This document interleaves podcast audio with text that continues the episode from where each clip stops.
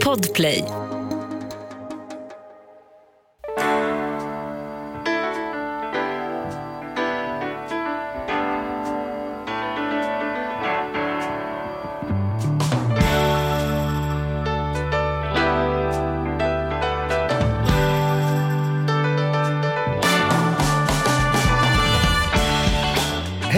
Hjärtligt välkomna till veckans avsnitt av Ekonomi på riktigt med Charlie och Mattias. Och det är så finurligt att vi har både Charlie och Mattias på plats i studion idag. Ja men det har vi väl typ alltid Ja, nu för tiden. Det var ju lite lite corona ironiskt. där som eh, ställde till det. Ja, så är det. Nya briller. Nya briller idag. Jag har två par. Har du börjat med, ja du har börjat med briller nu alltså? Nej, jag har ju haft eh, fast lite diskretare, rundare. Och så fick jag order om att jag skulle ha lite briller som tar lite mer plats. Ja just det. Jag är så grå hela jag. Så Ja, just det. Men det är för ålderssynen som du har skaffat? Ja, ja, i huvudsak är det för att kunna läsa. Ja, Sen är det lite, de har lagt på lite annat också för att det ska bli jävligt dyrt att köpa dem. Men, ja exakt. Det men om du skulle beskriva brillorna, hur skulle du beskriva dem? Nej, ja men det är ju- jag Vad ser jag ut som tycker du? Ja, du är ju söt. Allt Jo, men- skönhet. De är lite fyrkantiga. Ja lite... men de är fyrkantiga. Vi får väl ta en bild. Efter. Ja. Eller så här, ni ser ju bilden. Men, Våra, sen, vi har ju jo, redan lagt ut en bild när det här när det I här- know, men håll i det nu, för sen var det ju så att det var två, ta två för en. Och Ja, då det listade, brukar vara så. det listade ut i kassan så var det så här, ja nu får du dubbla glas, det är bara att köpa till en båge. Ja, vad kostar glasen då? Ja, 4 500. Bara, ja, men, du vet, idiot-Charlie tänkte så här, jag kan ju inte tacka nej till någonting gratis som är 4 500. Så då fick jag köpa ett par bågar till och då tänkte jag, jag kan inte köpa samma, måste köpa någonting annat då. Så nu ska du få se mina andra bågar. Är du beredd? Ja, ja. Jag får gå och hämta nu, dem. vad är det som händer här? Ja, men jag måste ju gå och hämta. Fan, vart det någon sån här glasögon? Man, så här, Det var ju du som frågade. Nu skulle varit passande med en, med en sån här synsam sponsor. Fast det är inget sånt. Nej. För jag ska tala om att min dåligaste affär, Sämsta. den sämsta, fan kunde jag säga dåligaste? Den sämsta affären jag någonsin har gjort är just när jag köpte briller som var två för en. Ja. Och Du, du känns ganska stolt eftersom du nu liksom vill visa de här. Nej, men för att de är busiga. Det är så kul att köpa någonting för, för liksom x antal tusen bara på skoj. Ja jädrar, de där var busiga. Vad ska man kunna kalla dem där för? Någon slags John Lennon, professor Baltasar, De, heter, professor Kalkyl. de heter John Lennon faktiskt. Ja, du ser. Fan, de var ju coola. Men min, min systerdotter tyckte jag såg ut som professor Kalkyl. Det var hennes Ja, första du också. ser. Ja. Ja, jag tänker att jag ska när jag springer, för det här, de nu kan ni för, för er som lyssnar, då, det är i huvudsak för er vi gör detta. Ja, ser de jättesmå runda, de heter John Lennon. Min fru tycker jag ser ut som en ung Mikael Wiehe. Ung får ni ta med en nypa salt då, men, men där har ni det. Och så när det är såna här bågar bak som sätter sig runt örat såg jag. Ja, det var Ja. därför jag tog dem, för jag tänkte du kan ha dem när är ute och springer. Ja, perfekt. Så egentligen var det det. Men sen har de, var de så balla, för de är gröna och nästan lite för små. Så jag kan också ha dem när jag ska gå på fest. Mm. Om det dyker upp så här Nassim Al Fakir som kommer i så här fotbollsdojor och damblus. Ja, och det, du vart inspirerad där. Ja, men då tänker jag så här, fan vad jag spelar safe liksom. Ja. Och då dök de här glasögonen upp. Ja, ja, jag tyckte de var ascoola. Ja. Det måste jag säga. Tack! Och varför jag gjorde min sämsta affär det var det för att jag, man skulle ju ha slipa dem. Vad heter de? Heter det ju de är pro, pro, Pro- progressiva. progressiva. Ja. Och ehm, då fick jag gå och prova ut och sen så vart det inte bra, fick jag gå och prova ut igen. Och då sa jag, men nu är det nog bra. Och jag kände så här, jag kan inte, kan inte klaga igen. Men jag vart liksom yr i huvudet av det där. Ja. För att jag hittade inte det. Och då sa de så här, du vänjer dig. Men då var det också två för en, så jag köpte två för en. Men jag vande mig aldrig. Alltså, det var det som var problemet. Jaha. Att det liksom, så att de där två paren ligger bara. Mm. Men har du, du har inga problem med att du känner att det blir snurrigt? Jo, men i början var det ju då att... Och då, jag är ju lite skitgubbe, så jag kan ju också vara så här, nej, nu, nu kör vi. Och sen är det snurrigt och det är ovant och grejer, men då har jag gett mig fan på att nej, men då får jag väl vänja mig då. Mm, Så och det tog, funkar? det tog en månad när jag bara bet ihop Ja, ja. och Mm. hade dem Bra. hela tiden. Bra sen, tips. så, sen gick det bra. Ja, härligt. Nåväl, så att, Nåväl. eh, då uppmärksammade jag att jag hade nya glasögon och nu har du sett mina galna glasögon. Då får vi lägga upp en bild på dem också antar jag. Ja, Men kanske de galna jag ska ha. jag tänkte säga det, gör- vi gör väl det lättare om, du, om bilden tas i de här. Ja, Lennon. ja, jag låter dem vara kvar så. Hör du, men hur är det Ja, med det dig? har varit skitsnack nu. Eh, ja, men det, det är alldeles strålande. Mm. Jättebra. Då så. Om jag ser gråtig ut så var det så här, det enda som är just på tal om, om ö, glas och ögon då, så måste jag sovit på så här sömmen på örngottet i natt. För när jag vaknade i morse så var jag så här superröd i ena ögat. Mhm. Och så att även om jag är glad att träffa dig så är det inte så att jag är så tårögd. Inte så tårig. Nej. Men eh, ja. Nej, jag tog det inte så faktiskt. Bra. Jag tänkte att det kanske hade att göra med veckans gäst. Det hade du kunnat Som, gjort. som du var lite tårig därför att du har ju varit så frustrerad. Därför att på något sätt så känner du att du känner den här personen. Man Ja, kan inte verkligen. riktigt komma ihåg vad ni Jag har. har, sett, jag har sett henne i Sportspegeln och Sportnytt. Tror jag i alla fall. Jo, Mm. Ja, har jag. men det kan ju vara någonting annat. Det, var, det vet det kan vara vad som helst. Efterlyst kanske. Vi, det får vi. Vi välkomnar i alla fall in Jenny Fred.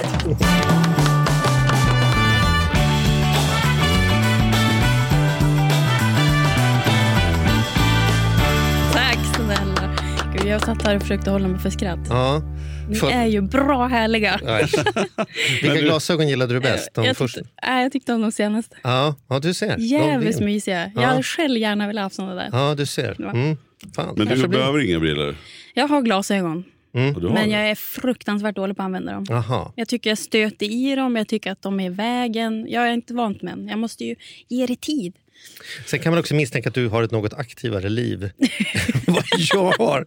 Så det kan ju dyka upp fler situationer för dig. Om vi jämför gymtimmar tror jag ju att du som tyngdlyftningscoach gör ett par till timmar där nere Mm. Ja. än vad jag gör. kan man säga. Ja, det är en konst. Om du ska, om du ska hålla på med tyngdlyftning, alltså det blir skitsvårt om du ska ha glajjor. Det är Mm. samma med vigselringar och grejer. Man måste ta av dem hela tiden. Ja, det är det du skyller på ja. Mm. Jajamän, Mm. det är den. Jag förstår. Ja, Mm. det märker jag när jag spelar tennis. Så, Hur så ofta spelar du tennis? vigselring- Nej, det är inte tre gånger i Det veckan längre. klämmer. klämmer. Ja, ja, för det börjar ju med och sen så slår man så klämmer det. Sen ska jag då ta av mig den och då har jag hunnit få- fått upp värmen. Ja, ja. Och då får jag ju knappt av. Då får jag springa in på, på toan och spola iskallt vatten. Men är det samma när du dricker öl? För efter två öl när vi är på krogen då brukar du märka att ringen skaver lite. Då brukar du vilja ta av den Ja, bla, bla, bla. Ja, du, du är riktigt för hugget idag. Ja, du är riktigt Sitter i brillorna. Ja. Men Jenny, alltså, eh, så här, det är ingen tvekan om att man ser på, hela du lyser ju styrka. Liksom. Vad fint, Man bara fint ser sagt. den här, den, alltså, så här, ja, man, man ser ju på vissa, de bara ser så Mm.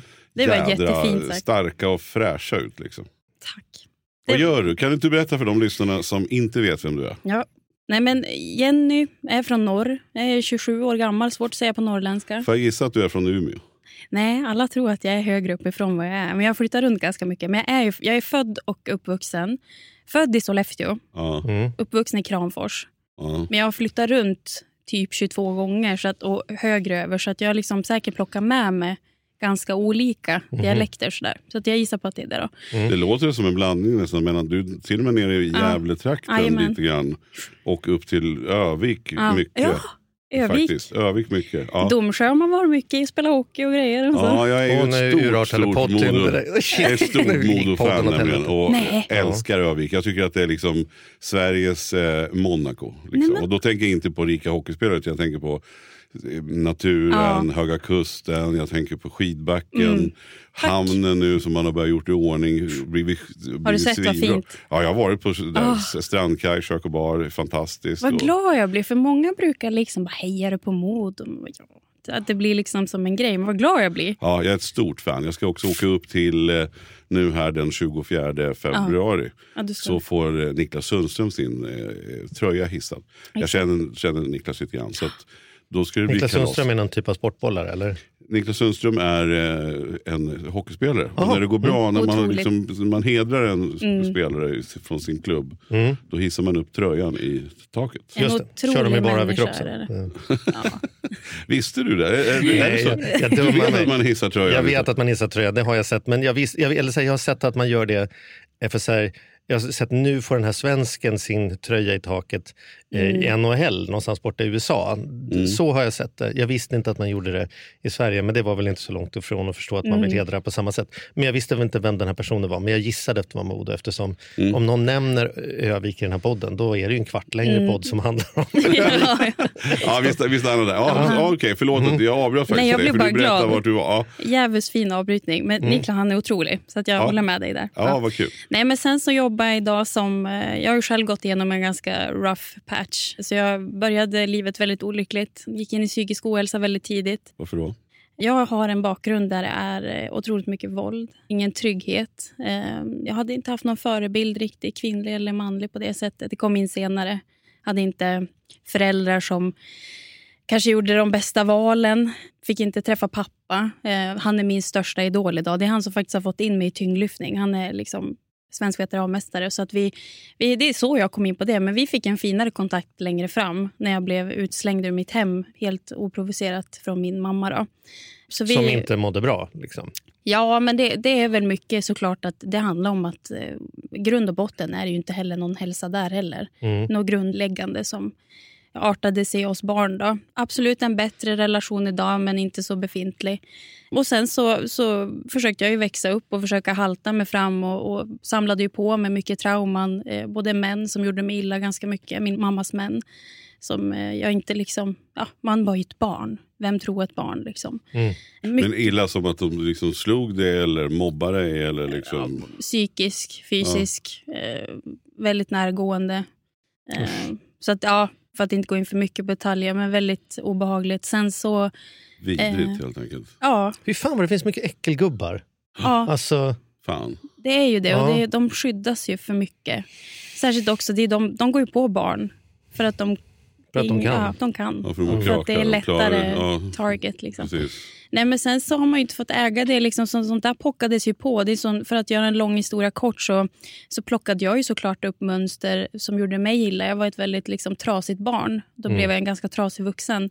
Jag fick klara mig väldigt tidigt. och um, vi hade väldigt dåliga, nu när vi ändå är i den här podden, dåliga förhållanden med pengar. Eh, Båda mina föräldrar har det bättre idag. De är inte alls i kronofogde som de var då. Mm. Vi hade knappt mat på bordet, fick liksom halta sig fram. Och det där, det där märker barn. Det gör man. Alltså det, det präglar en jättemycket. Så jag började ju liksom ta ansvar för, för det. Så att jag började ju jobba väldigt tidigt. Jag började jobba som 14-åring. Och fick låna ut pengar till ja, till exempel min mamma och så vidare. Då. Och gjorde säkert så gott hon kunde med det hon hade. Men, men vilket år, när, hur gammal var du när du blev som du säger, utslängd? Så att säga? I åttan, hur gammal är man då?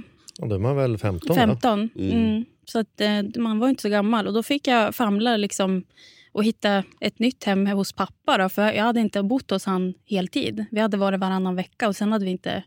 Ja, jag hade inte ens vetat om han ville ha en relation med mig på det sättet. För att han försökte och jag fick höra annat. Vet, föräldrar snackar skit. Mm. Eh, kan de göra. Så att det var ganska luddigt. Men sen fick jag ju veta att men herregud, han ville ha mig på heltid egentligen. Mm. Så det var en fantastisk... Jag kan säga att idag, hade jag inte blivit utslängd så hade jag säkert inte...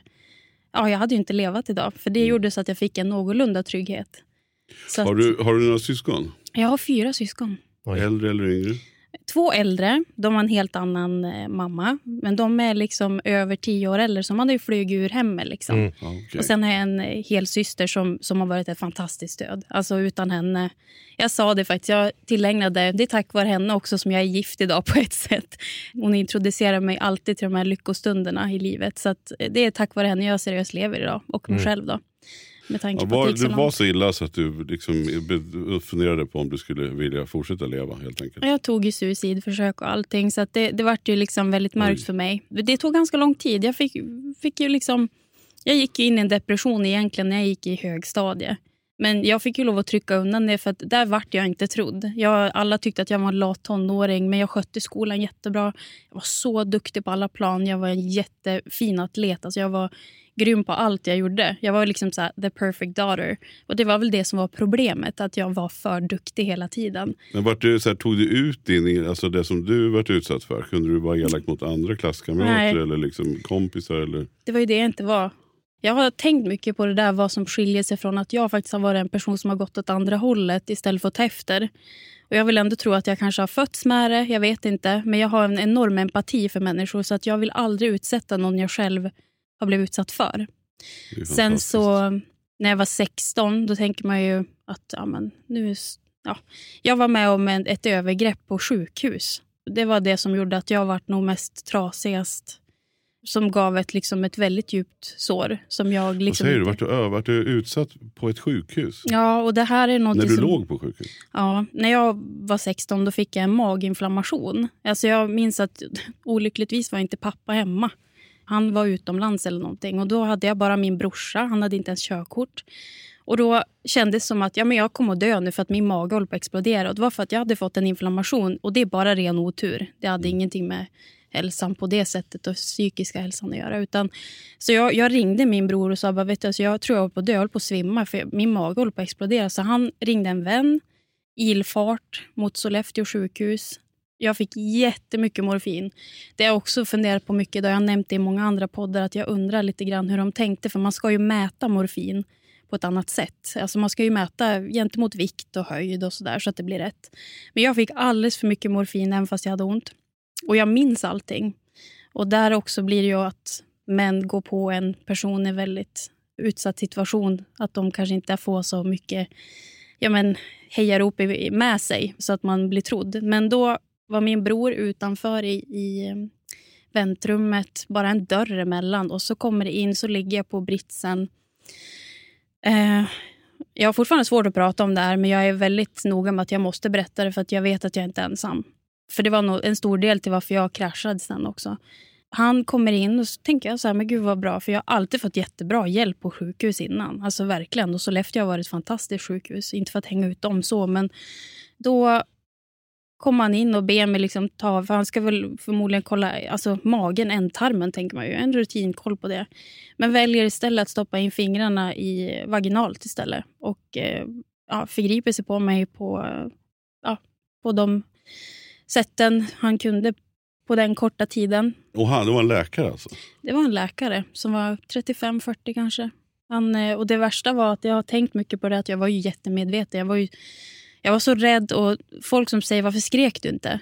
Jag tror inte de förstår att när man har varit med om sånt här så går det inte. Alltså det, du blir till is. Du, du tappar hela dig själv. Och där försvann ju en stor pusselbit av mig. Alltså en väldigt stor del av mig själv som är så ung. Jag hade inte ens varit med en kille då. Jag hade aldrig legat med en kille till exempel. Jag visste inte riktigt. Jag gjorde det mycket senare för att jag var så himla äcklad av, av just det där av, av naturliga skäl. Och det värsta var att han var väldigt neutral med det. Som att han var, det var en rutinkoll. Och sen gick han bara ut genom dörren. Och bara, ah, det var normalt. Och sen så var min bror där då, utanför. Och jag, allt jag ville var att skrika ute och säga det. Men jag, där och då, varför är det så viktigt att prata om det? För de som har varit med om det känner enorm skuld. Att det var mitt fel. Eller man går om tusen gånger att, men gud, det, var, det kanske var normalt. Men varför skulle det vara normalt att stoppa in i min vagina när jag har problem med magen? Alltså förstår ni, man tänker ju mycket. Det skulle inte vara så. Blev du, vart det någon konfrontation efteråt eller kände du att du inte orkade eller liksom, du gjorde ingen anmälan eller så? Nej, jag gjorde inte det. Jag var så liten, jag var så ung. Jag var så 16 och jag, jag var... Nej, och jag ångrar mig så mycket idag. Och Det är därför jag pratar om det mycket. Att anmäla, även om det kanske inte leder till saker. Att, men, men så att det liksom hamnar i statistik. Så att det hjälper till det nästa, så att det kanske blir bättre odds än vad det var för mig. Och Det är jag jättenoga med att jag pratar mycket om i mina sociala medier. Gör det du kan, skrik ut, var en högtalare. Och Det jobbar jag jättemycket med att hjälpa unga kvinnor som äldre. Att inte falla offer för något svin som tar ut sina äckliga fantasier. Så det, är liksom, det är så viktigt, för det händer ju varenda, alltså varenda sekund. Nej, men det, det var liksom det som gjorde att eh, det var det värsta som har hänt. Sen så, så måste jag säga att eftersom att jag hade en sån här bakgrund där jag visste inte så mycket annat då. Då var jag ändå hos pappa och var mycket bättre där. Hade en fantastisk, eh, han hade en fantastisk fru, eller har. Så eh, de gjorde det de kunde. Men, men jag, kunde, jag vågade inte berätta. Så det här har inte jag fått ägt förrän jag kom ut med min dokumentär 2020 var det. Mm. Du och jag mot psykisk ohälsa. Mm. Och det är så många år efter. Wow. Men man skulle kunna prata mycket om som, situationen. Ja, absolut. Men, men om vi tittar på, på dig i det då. Mm. Liksom ständigt sviken, utsatt, liksom manipulerad av liksom vuxenvärlden från du är väldigt liten Mm. och hela vägen upp tills det kommer till någon punkt där du till och med säger så här, "Ja, men jag checkar ut, Mm. jag skiter i det här. Mm. Liksom. När, när, när vände, alltså, finns det något sådär beslut eller något ögonblick för dig när du tänker så här, men nu, nu blir det jag då. Nu får jag väl kolla med mig då. För även där Ja. du beskriver att vara duktig i skolan och liksom träningen i 120 är ju, är ju också något Mm. rop på hjälp. Så här, hur perfekt kan jag bli så att jag kanske Mm. inte blir illa behandlad? Då, liksom. När eh, lyckades du dock ta kommandot då, om man ska säga på det sättet? Ja, det var, var det 2016, 15. Jag fick en psykos på Gotland. Vi brukade... Vi hyrde ett hus där hela familjen. Ingen, alltså grejen är att jag tror folk förstod att jag egentligen mådde... Min familj är underbar på pappas sida, men som många andra i äldre generationer så sopar man saker under mattan. Man är Mm. inte lika bra på att prata och det är väl kanske det man gärna vill prata om också. Så min syster var, hon skulle komma några dagar senare. Hon vet att jag kunde prata om allt. Hon har varit med om väldigt mycket hemska saker själv, så hon var ju den jag hade, som tur var. Men räckte kanske inte hela vägen. Men då vet jag att vi, vi var där några dagar och jag märkte att jag checkade ut liksom hela min kropp Man ser bilder därifrån. Jag nämnde förut i andra poddar också att jag var alldeles grå. Alltså jag såg ut att vara typ alltså 50 år. Mm. Jag hade verkligen åldrats på kort tid. och Hela mitt ansikte var lite vanvrängt. Alltså det var liksom väldigt vanställt. Det såg väldigt obehagligt ut. Jag var alldeles grå, jag hade tappat all lyster, jag log inte. Alla trodde att jag var sur. Vi satt vid middagen där. Jag är en jättesprudlande människa. Jag får alltid höra att jag är så stark och rolig och glad. Liksom. Det är min styrka. Så alla trodde att jag var sur. Men i själva verket så hade jag checkat ut. Jag satt där och inte fanns i min kropp. Och jag hade inte kontroll över den. Och det är ju en psykos. Jag visste inte vad jag höll på med. Så jag satt och var som en sten. Jag kunde inte ta beslut. Jag skrek inombords men kunde inte göra någonting. Och det är sånt som händer om man är med om en ordentlig psykos. Så att när sen när min syster kom äntligen, för hon kom några dagar senare, bröt jag ihop som ett spädbarn i, i liksom fosterställning och grät i 24 timmar för att jag, eh, allt skulle bara ut. Och där var på något sätt vändpunkten, absolut. Men sen har jag ju försökt liksom ta suicidförsök efter det. För att eh, det är ju en käftsmäll. Mm. Som man visste egentligen skulle komma. Om man tittar på en bakgrund så som många andra har, jag är ju långt ifrån ensam, så är det inte så konstigt att det här är för mycket för en person att, att kunna förvalta och hålla inne på. Liksom. Och jag var så himla ung.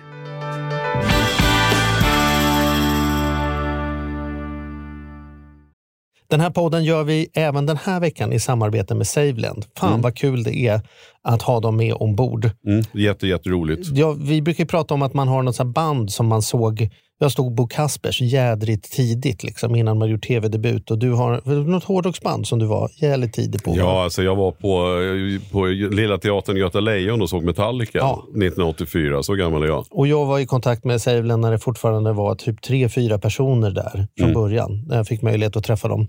Eh, och nu är de ett stort bolag, fyller tio år, finns på börsen och jobbar helt enkelt med att vanliga privatpersoner och företag kan investera pengar eh, i eh, lån och krediter. Mm. Så man får riktigt bra ränta. Så eh, det rullar på efter tio år, bättre än någonsin. Fantastiskt kul att ha dem med här i podden. Mm. Gå in, testa, kolla. Vi ja. har en kod som gör att om du öppnar ett konto och använder på riktigt får du dessutom en insättningsbonus just Precis, och vill man veta mer så som sagt gå in på saveland.se. Man kan också lyssna på Ludvig som har varit gäst i vår podd två gånger. Då får ja. man en ännu bättre inblick ja. i vad, vad det är de pysslar med egentligen. Men ja, Saveland.se och stort tack. Ett poddtips från Podplay.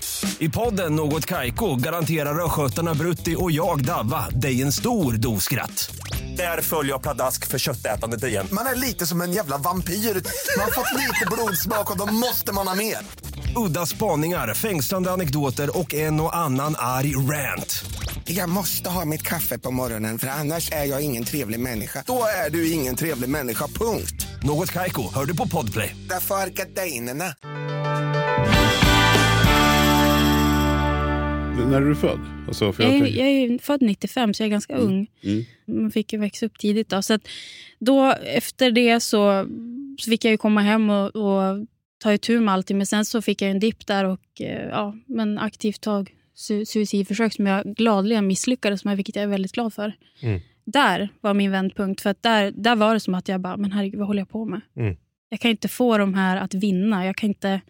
Jag är ju fantastisk. Alltså, det var som att jag förstod liksom att, men herregud, vad håller jag på med? Mm. Och det var ju jätteläskigt. Jag hade ingen aning vad jag skulle göra. Jag trodde aldrig jag skulle komma dit, för jag är en väldigt stark människa. Men jag har ju varit så stark länge liksom, och burit andras problem och skyddat andra liksom, och mycket annat. Så att, där var vändpunkten för mig, där jag fick verkligen en kick i rumpan och där såg jag aldrig tillbaka igen. Nej, för att om man ska på tal om, på tal om det då, vändpunkten. Mm. För du, nu är, alltså, du är ganska långt ifrån grå just nu. ja. Kan jag intyga Idag, då, för ja. våra lyssnare. Så, så hur, det här med ekonomin. Mm, ja. hur, liksom, du var duktig i skolan berättade du. Mm.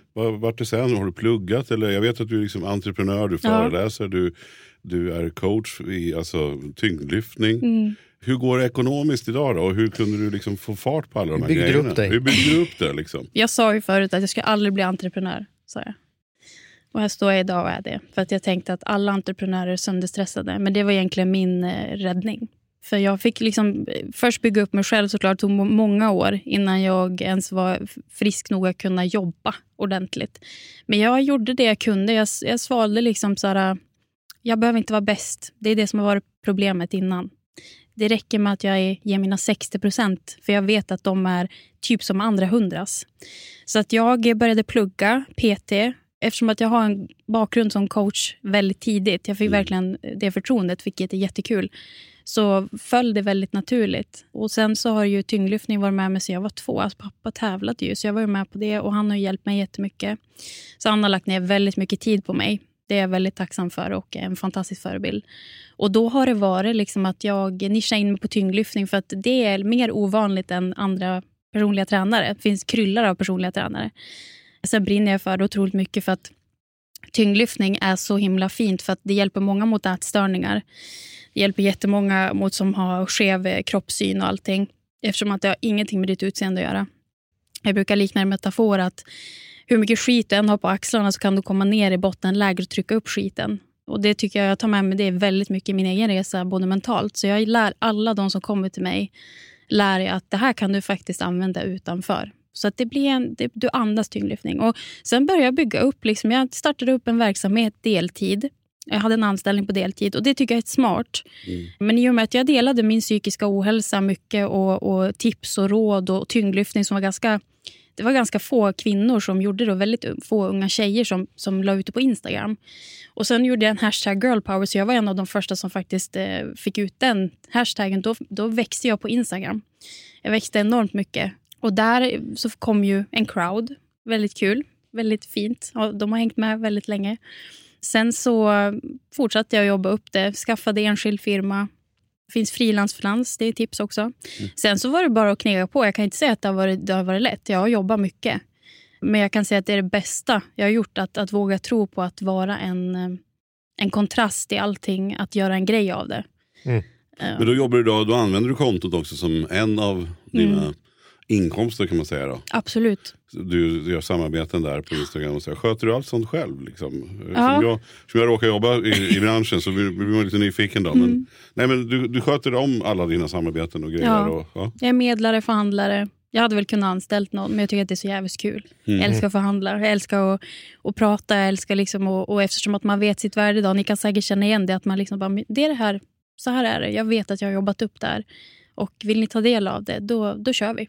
För sen handlar det inte om pengar, men... Eh, ja, fast det gör det ju. Man måste ju betala hyran. Ja, så är det ju. Vad är det som betalar hyran idag? Vad är liksom din största intäktskälla? Det är väldigt olika, men det är mina lyftar, eh, alltså coachning. Jag gör inte online, men jag kör fysiska. Eftersom att det är som... Och då är det återkommande inkomster för att de betalar dig Exakt. varje månad för att du är deras tränare? Ja, liksom. mental ja. coach också. De mm. som vill får ju privat mental coachning. Sen mm. är det ju samarbeten. Men sen är det ju först och främst också, jag anordnar ju mycket träningsresor där man eh, jobbar mycket mentalt och i tyngdlyftning. Så det är liksom en äventyrshelg. Då.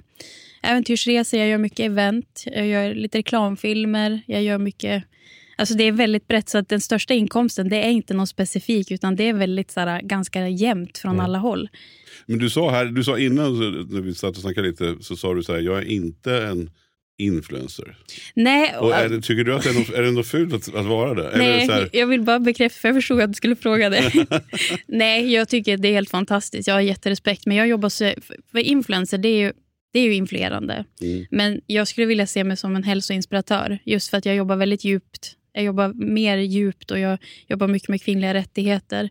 Jag... Ja, du menar så här kanske att man inte vill vara förknippad med den klassiska influencern som står och putar med läpparna. Exakt. Och, eh, jag tycker ju att du är influencer och många av de där andra som kallar sig för influencer mm. är någon typ fast av man är väl influencer fast för olika målgrupper. Ja, men influera handlar ju om att påverka människor. Påverka, om det enda ja. man påverkar dem till är att köpa olika klädmärken och handväska varje vecka, då, då Frågar man dem vad de jobbar med så tror jag inte de knappt kan berätta vad det är att influera människor. Alltså har man fått det...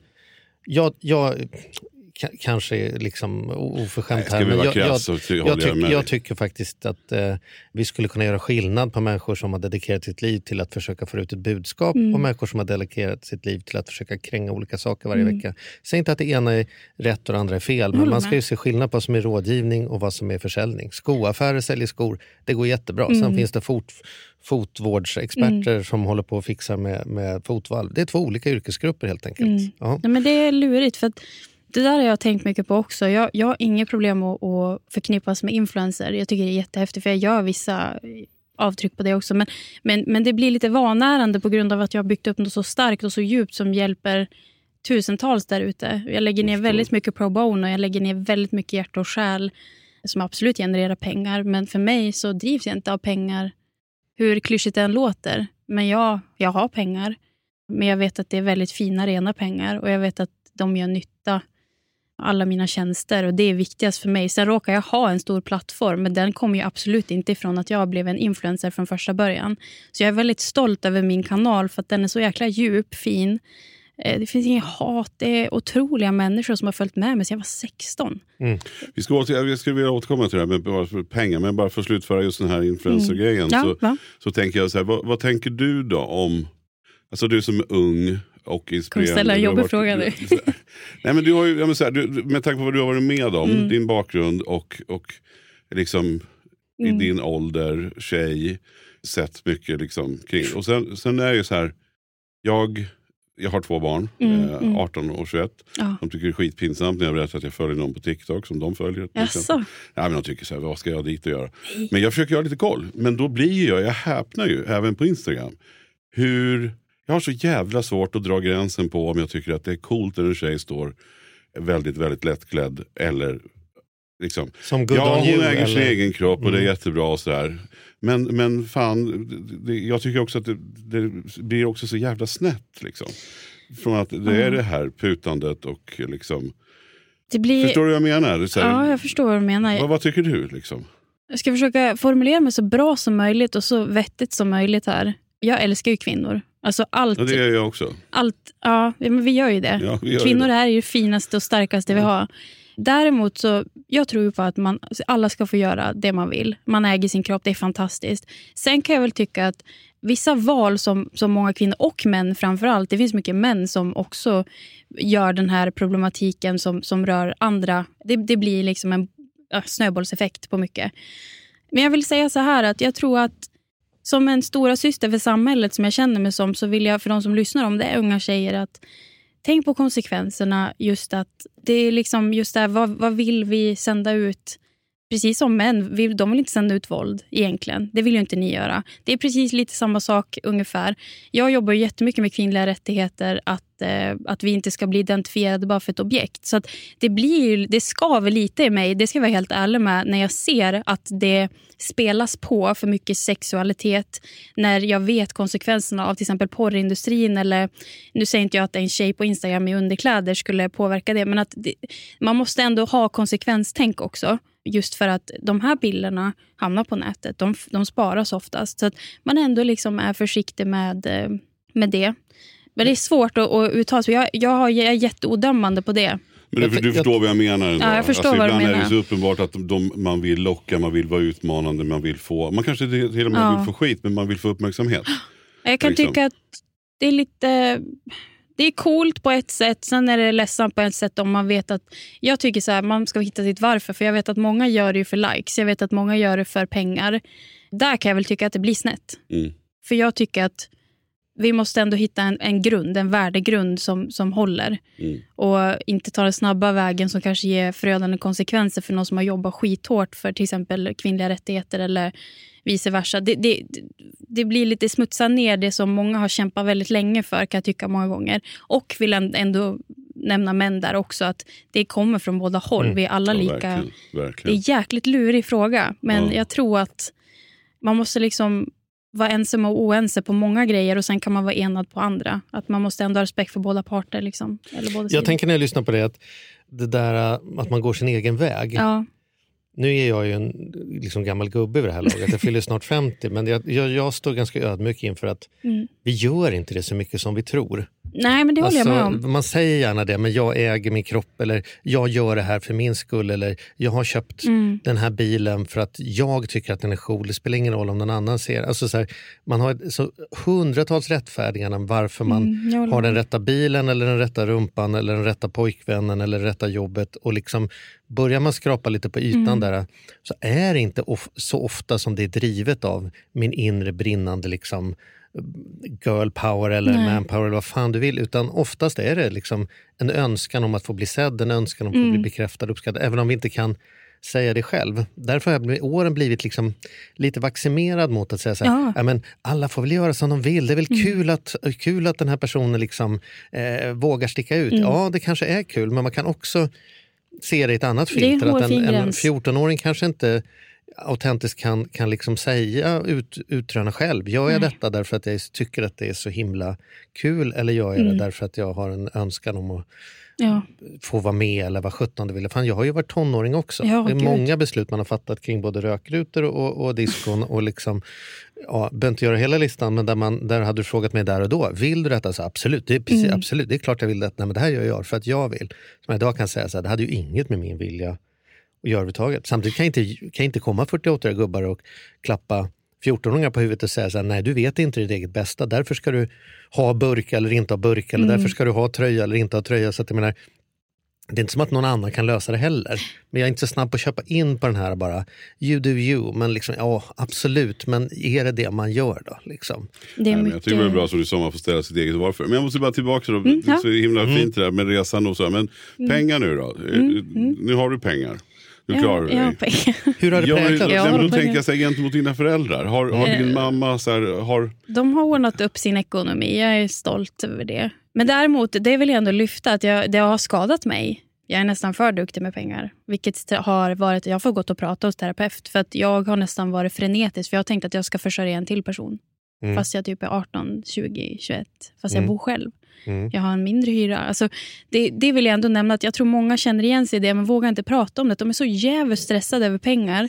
Kanske för att jag fick ju det inpräntat i min kropp att jag måste ständigt vara på tå och ett steg framför. För att jag måste ju vara beredd på om någon av mina föräldrar ber om pengar. Mm. Jenny, har du pengar att låna? Jag tycker inte att det är svagt. Jag vill ändå nämna och påpeka att det är jättemånga som har skulder. Jag har inte haft en enda skuld. Och Jag är tacksam för det, för det är vanligare att ärva det tänket och ta efter. Jag, vet, jag kan inte riktigt Absolut. svara på, det ser ju ni säkert jättemycket. Mm. Jag kan inte svara på varför jag har gått åt andra hållet. Men det är nog för att jag har haft sånt jäkla ansvar för mycket. Att jag har varit för duktig att ta på mig andras ansvar att jag ska fixa det. Jag tror att det kan vara det. Men idag har jag... Du kanske hade det också så pass så pass illa så att du ja. inte... Ja, men det är, tänker liksom, jag också. Det är min, min, min, min känsla. Liksom, liksom, att du har varit så, liksom, det varit lite för djupt. Liksom. Ja, ja, men man, är, man har en sån självbildsstörning. Liksom, att man, mm. Växer man upp med föräldrar som är liksom, inte träning, dålig kost mm. och så är man en del av det. Då är det lätt att ärva inte träning, dålig kost. Verkligen. Växer man upp med föräldrar som pratar aktier och liksom startar mm. bolag, ja, men då, då är det lätt att start, liksom, mm. köpa aktier och starta bolag därför att det är en del av en självbild. Men mm. växer man då upp med några som har taskig ekonomi och inte tar hand om det och dessutom skjuter ut dig så långt, ja, men då är det nästan som att du blir programmerad med att du inte tillhör ja, det. Exakt. Det är liksom, det, tur i oturen här på något sätt är ja. att du inte blivit insluten i en grupp som har ett destruktivt beteende utan det destruktiva beteendet har på något sätt skjutit ut. Nu vart det mm. psykologipodden här. Ja, men, nu ska hålla tyst. Men jag bara tycker att det är fascinerande för att jag tänker att många som har föräldrar som hamnar hos Kronofogden hamnar ju där själv. För att man ärver kanske eh, beteenden och sen tänker man i flera år, jag ska vara annorlunda. Sen så till syvende och sist så blir man med åren mer och mer som sina föräldrar. Så det, här, det, det, här är liksom. liksom, jag tror att det är viktigt. Det, det, har jag pratat om i massa år. Jag känner att jag typ är själv i Europa ja. och pratar om liksom, finansiell självbild. Vad, mm. har vi för, vad har vi för pengaidentitet? Liksom, är det okej okay med aktier, är det okej okay med fonder, är det okej okay med att ens ligga på mm. plus? Mm vet ju det här att de flesta som vinner pengar på Lotto, mer mm. än en miljon, har gjort av med allting inom ja. tre år. Därför att det ligger inte i deras självbild att ha pengar. Nej. Och självbilden vinner över kontot. Liksom. Och det den som är, är född Donald Trump-typ, han kommer ju aldrig gå och lägga sig hungrig för han är liksom född med en bild av att mm. han kan göra pengar av vad som helst. Och då verkar det som att han faktiskt kan det också. Mm. För liksom, det, det, går inte från honom att det inte blir pengar i slutändan. Liksom. Och, och det, det, där tror jag att man påverkar. Det är så himla intressant det du nämnde. Man kan verkligen påverka det. För jag gick ju från att verkligen så här, men jag, jag är ingen sån som skiter pengar fast jag vet att jag har pengar. Jag är väldigt ödmjuk till det idag. Sen vet jag också eftersom att jag vet när folk... Jag, jag gör ju mycket insamlingar så jag vet att pengar inte alltid gynnar folk med problem eller det kan bara bli värre. Mm. Till exempel med missbruk med alkohol och sånt där. Att mm. Många tänker att vi måste göra en insamling och ge dem pengar. Men det kommer inte hjälpa ett skit den här personen för den är ju där den, av en anledning. För att den kan inte ta hand om pengar. Så jag kan inte ge en stor summa i, i handen på dem. För de kommer ju köra sig ja, själv i botten. Mm. Och Det är så viktigt att prata om. Många ifrågasätter mig varför jag blir en god man till exempel när jag hjälper kvinnor som är utsatta under mäns våld. Mm. För de, har ju inte, de är inte van vid att ta hand om pengar. För De är vana att lägga över det bara på männen för att de fixar det och då är de fast. Så att man måste liksom tänka mycket på det där. Jag tycker det är så fint det du säger om pengaidentitet för den tror jag också man verkligen kan påverka under åren som vuxen. För det har jag verkligen gjort. Men idag så är jag väldigt glad för min pappa och mamma. Nu har inte jag superbra kontakt med mamma, men hon har ett bra jobb. Hon, hon liksom har ordnat upp sig. Och Jag vill också nämna det, att man kan göra det. Mm. Mm. Och att det är mycket upp till en själv. Och Pappa han har ju liksom bara haft otur. Det är därför han liksom hade... Eller båda haft otur också, men mm. samtidigt har de gjort dumma val. Och det får man ändå... Man gör dumma val ibland. Mm. Men jag straffade dem väldigt länge. Jag var väldigt agg mot det först. Att jag hade det här Uff, gud, jag hade sån stress, jag mådde ju skit. Jag kan fortfarande känna det ibland att jag får panik över pengar fast jag vet att det är lugnt. Men det är för att det sitter så djupt rotat. Men då får jag ta itu med det, för det är mitt problem idag. Mm. Där råder jag de som har och känner igen att det skaver, att de får panik, att de känner att pengarna styr för mycket och att det blir att det tar över. Precis som alla andra grejer. Gå och prata, för det finns jättefin hjälp att få. Mm. Um, Jättebra råd. Mm. Oro är ju aldrig till nytta. Nej. Det blir ingenting. Många tänker så här, men nu är det så hög ränta så nu måste man oroa sig. Mm. Oroa sig hjälper ju ingen. Nej, precis. Ta hjälp så du kan bli sund i huvudet igen i fråga om ja. att se nyktert på det och sen fatta kloka beslut. Mm. Liksom. Men om jag vill följa dig mm. nu då? Ja. ja och, och, om du, du måste pusha lite för dig själv här nu då, för vi okay. kanske har ett gäng lyssnare som inte ja. äh, känner till dig. Så var, var, hittar man dig om man vill boka och var tar man av sig någonstans? Men det finns först och främst på Jenny S, alltså som i Sven, och Fred med två E på Instagram. Sen har jag min Youtube-kanal, då är det Jennys feberfred. Sen har jag TikTok också. Men sen så många bokar mig via min hemsida som är bifogad där då såklart. Mm. På. Och där är jag också, det glömde jag säga, jag är massageterapeut också och jobbar ju jättemycket med eh, behandlingar och allt vad det är. Sen, och är ute och föreläser mycket. Jag är ute och föreläser ja. mycket. Men vart bor du då? Bor du i Stockholm? Jag bor deltid här i Stockholm. Jag har mm. ju bott här heltid, men nu sen jag, jag är gift så jag, jag flyttade tillbaka till norr. Det var en av mina stora fina förändringar jag behövde göra för att må bra. Mm. Så jag bor i Sundsvall, mm. på Alnö och sen så bor jag deltid här i Hägersten. Då. Så det, mm. jag är jätteglad att få ha två världar. Perfekt. Så att, ja. Det är som jag, fast jag har gjort samma fast jag bara förskjuter neråt istället. ja, nej, men det är som mig, jag har också två mm. världar. Det är så... Jag har, jag har min, mindre, jag har tio mindre. mil mellan ja. mina världar. Det blir så mycket snack, man vill prata så mycket mer. Det blir så, ja. blir... Men då fortsätter vi göra det fast vi, vi avrundar podden. Mm. Så, ja. ja, jag känner det. Det går så jävla fort. Ja. Ja. Och jag är intressant, alltså super, super skoj att träffa dig. Ja, men det är samma. Du är verkligen, som jag sa inledningsvis, du, du glittrar.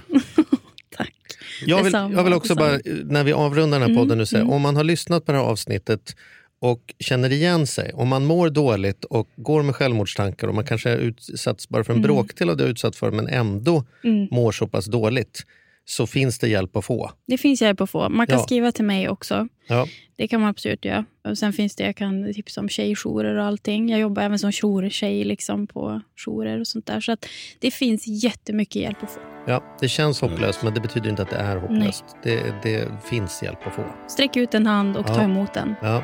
Mm. Bra, då har vi sagt det också. Mm, eh, tack så mycket för att du kom hit. Tack för att ni är så fina och grymma. Tack för att jag fick komma. tack. tack snälla.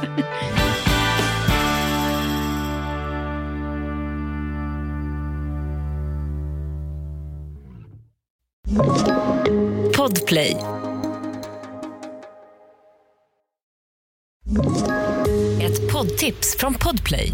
I fallen jag aldrig glömmer djupdyker Hasse Aro i arbetet bakom några av Sveriges mest uppseendeväckande brottsutredningar. Går vi in med hemlig telefonavlyssning och, och då upplever vi att vi får en total förändring av hans beteende. Vad är det som händer nu? Vem är det som läcker? Och så säger han att jag är kriminell, jag har varit kriminell i hela mitt liv men att mörda ett barn, där går min gräns. Nya säsongen av Fallen jag aldrig glömmer på Podplay.